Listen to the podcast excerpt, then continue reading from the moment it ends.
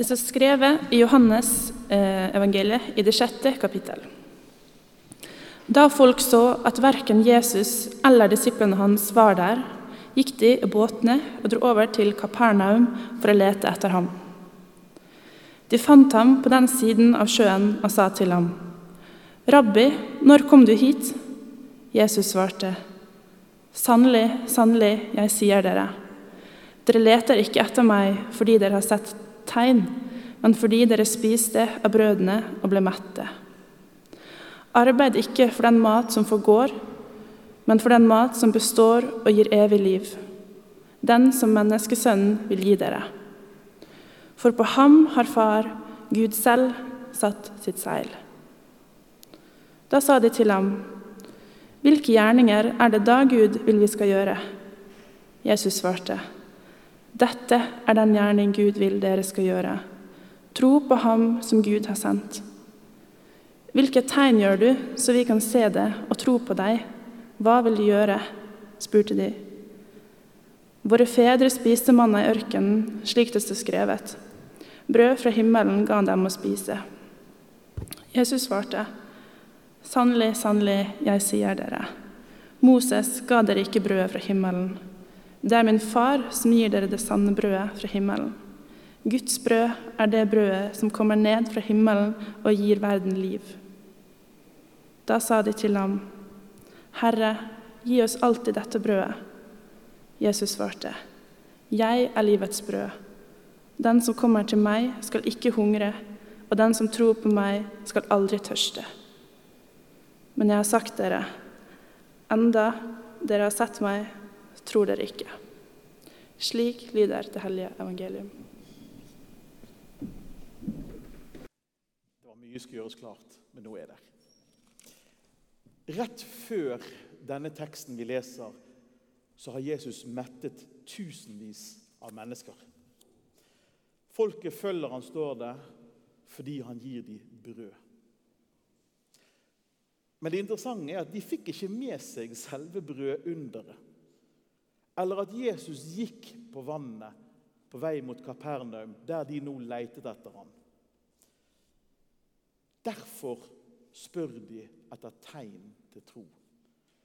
Og Jesus hadde da, som jeg sa, akkurat mettet en folkemengde med to fisk og fem brød.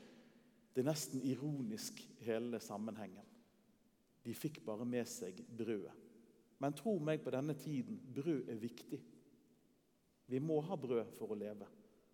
Det er ikke rart de følger Jesus, men det er samtidig ironisk. De fikk ikke med hvor brødet kom fra.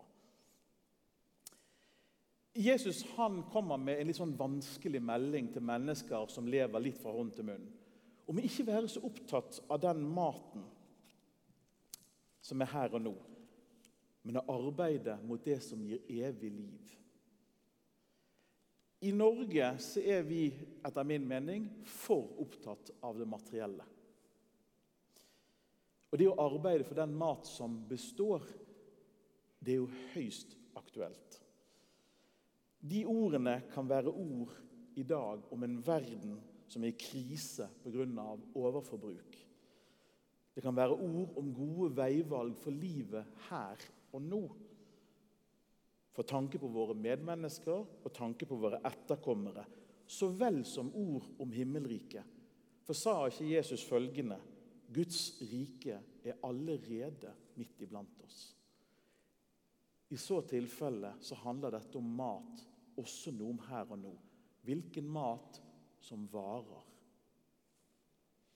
I Bibelen så er brød flere ting. Og Brødet så faktisk vanligvis sånn ut. Det var flatt. Men det er dette hypebrødet vi kjenner, så jeg tok med noe vi kunne kjenne igjen. På den ene siden så er brød brød. Det er næringen, det er den vanligste formen for mat for å holde seg i live. Og da er brød bare brød. Men så er brød noe mer. Det i overført betydning, åndelig føde, brukes det, beskrives som brød. Og I jødene sin trosutøvelse så er brød kjempeviktig. Hva er det de tar med til det aller helligste? Skuebrød. Brød spiller en del av troen. Det var brødet de måtte lage når de flyktet fra Egypt. De hadde ikke tid å skulle heve og bli stort og fint. dette her. Det var usyret brød. Hver eneste påske som Jesus går mot, også i disse tekstene, så er det å spise dette usyre brødet for å minne om Gud reddet dem. Når de var ute av Egypt, så ga Gud dem brød. Manna, et spesielt brød fra himmelen. Og De skulle bare spise nok så de hadde den dagen, ikke samle noe. Og så måtte de stole på at Gud i morgen gjentok underet og ga dem brød. Brød er brød, og brød er noe mer enn brød. Når vi ber bønnen 'Gi oss i dag vårt daglige brød', så tror jeg veldig ofte at det er dette vi tenker på. Og kanskje ting vi trenger for kroppen vår. Men den bønnen er ment å ha en dobbel klangbunn. Gi oss det vi trenger, både fysisk og åndelig. Det er den andre type brød også som er i dette. Brød er ikke bare brød av denne typen. Og Jesus er veldig tydelig i teksten. Det er Gud som mettet folk i ørkenen, det er ikke Moses. Det er alltid Gud som stiller sulten, selv når det skjer gjennom våre hender. For det er Gud som har skapt verden sånn at korn og aks kan vokse, og vi kan lage også dette brødet. Det er også en Guds gave. Det er alltid Gud som til syvende og sist stiller sulten. Gud er giveren av alt som er godt, også av brødet. Når Jesus var ute i ørkenen, så ble han fristet. Og Hva var det akkurat han ble fristet på? Jo, det var å frembringe brød når han var sulten. Og Så sier Jesus disse rare ordene, men som jeg tror alle som har hørt de husker. Mennesket lever ikke bare av brød alene, men fra hvert ord fra Guds munn. Vi trenger mer enn bare det vanlige brødet for å leve. Og For meg blir det en sånn henspeiling på at mennesket hungrer egentlig etter mer enn bare brød og materielle ting. De hungrer etter mening, etter svar, etter å bli sett og hørt, etter å høre til, etter rettferdighet, etter godhet og varme, etter kjærlighet, etter frigjøring og mye, mye mer. Jesus åpenbarer i Johannesevangeliet trinn for trinn at det mennesker hungrer etter uten å vite det, det er Gud. Det er bare Gud som kan stille den sulten. Det er bare Jesus som kan stille den eksistensielle, åndelige sulten. Den vanlige sulten klarer vi ofte å stille. Ikke alle, men ofte. Og Da kommer vi inn til den doble betydningen på brød. Jesus er det sanne brødet som bys oss. Brødet fra himmelen. Og Det rare med det brødet fra himmelen er at det er fysisk og åndelig på samme tid. Kom og spis. Det var Jesus sine ord. Og Hva er det som gjør brødet åndelig? Nå står jeg med, litt sånn, med et brød her og kjenner det sånn, ja, litt rart. For det skal være noe mer. Og så vet jeg at dette er bare et vanlig brød. Men hvis vi tenker da, Hva er det som gjør Jesus til det doble brødet? Vel, På den ene siden så er Gud ordene vi trenger. Visdommen vi trenger. Og alt dette er i Jesus. Han er det åndelige brødet, for den er Gud. Og I teksten så åpenbares det ved noen veldig små ord. På gresk står det 'ego eimi', som oversettes til norsk med 'jeg er'. Jeg er livets brød. Disse små ordene ville de som hørte på, skjønne noe av. For når Moses skulle møte farao, så var han opptatt av hvem skal jeg si har sendt meg til farao? Og så avslørte Gud for alltid navnet sitt. Jeg er den jeg er. Det er den personen du skal si har sendt deg. Jeg er er Guds navnet, Javé to små ord så avslører Jesus det er han som er Gud. Det er ganske fiffig. Så når han sier 'jeg er livets brød', så sier han at brød er noe langt mer. Det er en åndelig dimensjon ved brødet. Gud er brødet. Det er ganske flott. Guds brød er et fysisk brød også, sa jeg. For Jesus gir sin kropp til mat. Kjøtt og blod gitt i gudstjenesten gjennom brød og vin, som er føde og drikke for troen vår. Brød er ikke bare brød. Den som spiser og drikker i nattverden Jeg synes det var så fint når presten der jeg var her ungdomstiden min, han sa det sånn at jeg skjønte det. Jeg skal gjenta hva han sa. Når du spiser nattverdsbrødet, så får du Jesus i magen. Og Så smilte så lo liksom som dere òg. Og samtidig tenker jeg ja, men det er jo faktisk helt sant. Det er et fysisk brød også. Den som spiser det levende brødet, skal leve. De som spiste manna i ørkenen, de døde til slutt. Det var ikke det sanne brødet. Det skulle komme seinere.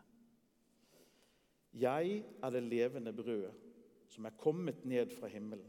Den som spiser av dette brødet, skal leve til evig tid. Og det brødet jeg vil gi dem, er min kropp, som jeg gir til liv for verden. Da er jeg litt forbi teksten vi har vist i dag, men hele kapittel 6 vil jeg anbefale dere å lese. Det er et fantastisk kapittel. Tanken på Gud, at Jesus er Gud, tanken på at Jesus er brødet, og det å skulle spise hans kropp, det var frastøtende for de som sto i mengden. Mange av disiplene med seg sluttet å følge ham der og da. Dette var frastøtende. Og i dag, i vårt samfunn, så tenker jeg at kanskje det er mer tanken om at Gud i det hele tatt fins, som er frastøtende for veldig mange.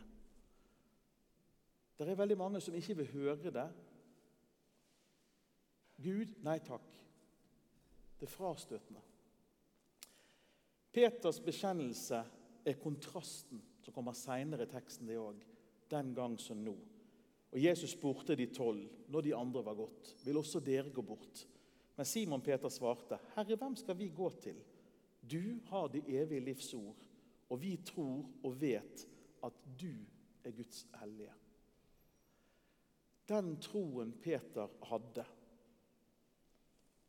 det er den troen vi utfordres på å ha også i dag. Å tro at Jesus er den Faderen har sendt. Og tro at Jesus er Gud. Og tro at Jesus er det sanne brød. Og Peters tro var en tro som mange har respekt for. Kanskje så mye respekt at vi ser ikke at den var veldig menneskelig. og Det er derfor den kan bli eksempel for oss. For Peters tro var feilbarlig, akkurat som du og meg. Den hadde ikke det høyder der han var i styrken og så klart, sånn som denne bekjennelsen her. Krystallklart. I neste øyeblikk så bommer han med kilometervis. Han sviker, han får det ikke til. Det er en menneskelig tro som blir eksempelet for oss. For hva er det Peter til slutt gjør som vi kan følge? Jo, han legger alt han har, hele livet sitt til slutt, legger han i Guds hender. For i Jesus tenkte han 'jeg har den gode del'. Og Det er det eksempelet som kan prøve å følges. Ikke at vi skal prestere noe ved troen, men overgivelsen til Gud. Og troen på at Jesus er brødet, og ta det til oss. Jeg forstår utrolig godt folkets ønske om tegn i denne teksten. her. Hvem av oss er det som ikke ønsker et ugjendrivelig tegn på at Jesus fins, og at Gud snakker direkte til oss? Hvem er det her inne som ikke vil ha noe sånt? Det kan være bommer når jeg sier det, for nå snakker jeg på vegne av alle. Alltid farlig, men jeg prøver meg. Jeg tror iallfall de aller fleste vil det. Spesielt i en tid der troen blir avvist med henvisning til vitenskap og manglende bevis for Guds eksistens. Det ville vært grådig greit å ha det der beviset. Skulle gjerne hatt det. Eller i møte med noen kristne miljøer som forutsetter at hvis du virkelig tror, så skal du ha veldig sterke følelser og veldig sterke opplevelser knyttet til den troen. Og kanskje også veldig tydelige velsignelser å vise til. Også da ville det vært veldig fint å ha noe konkret og håndfast å møte til hvis vi ikke kan vise til de samme følelsene eller de samme opplevelsene som de forteller om. Men da er det viktig å skille at troen kan utløse følelser, og den kan gi opplevelser. Men troen er noe annet enn en følelse, og den er noe annet enn en opplevelse. For troen på troen er ikke poenget. Det er troen på Gud som er poenget. Og troen på Gud har et innhold uavhengig av meg. Det er en Gud som gir seg til kjenne gjennom tekster vi leser. Det er en tro med et innhold. For det er ikke troen på hvilken som helst Gud. Det er Gud som har åpenbart seg, noe vi ikke kan vite av oss sjøl. Den troen kan vi lære mer om. En Gud som skaper noe nytt i oss ved sitt ord. I Isaiah står det For lik regn og snø som faller fra himmelen og ikke vender tilbake dit før de har vannet jorden, gjort den fruktbar og fått den til å spire, gitt såkorn til den som skal så, og brød til den som skal spise. Slik er ordet som går ut av min munn. Det vender ikke tomt tilbake til meg, men gjør det jeg vil, og fullfører det jeg sender det til. Disse opplevelsene vi leter etter alle andre steder enn Bibelen, er kanskje først og fremst å finne i Bibelen. Guds ord skaper det det nevner. Ved ord endrer Gud virkelighet. Underet, tegnet til tro som vi søker så grådig, jeg er ganske sikker på at du sammen med meg har gått glipp av det i gudstjenesten mange ganger. Og så er det her allikevel hver eneste gang vi feirer gudstjeneste. Og det foregår så utrolig stille. Akkurat som i brødunderet så blir noe lite til noe veldig stort. Disse fem brødene og to fisk som mettet tusenvis. Det er lett å gå glipp av. Ved Guds ord så blir noe som ser ubetydelig ut, til noe mer enn nok. Til overflod og til velsignelse. Og det foregår ved det alterbordet hver søndag. Akkurat som den første kristne påsken. Det var nesten ingen som fikk med seg den første kristne påsken. Det var så bitte lite. Det virket helt umerkelig. Men så ble noe som så helt uvesentlig ut, forandring for hele verden. En liten brødbit. Der startet det. En munnfull med vin. Der startet det.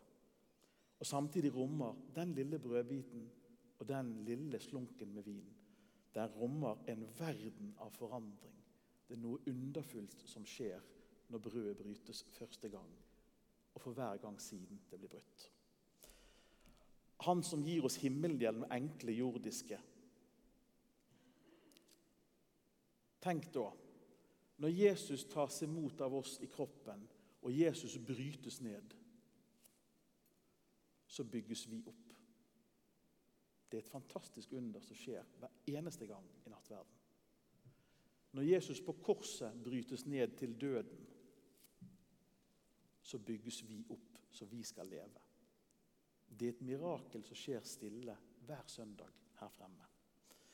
Troen den er en gave. Den er ikke en prestasjon.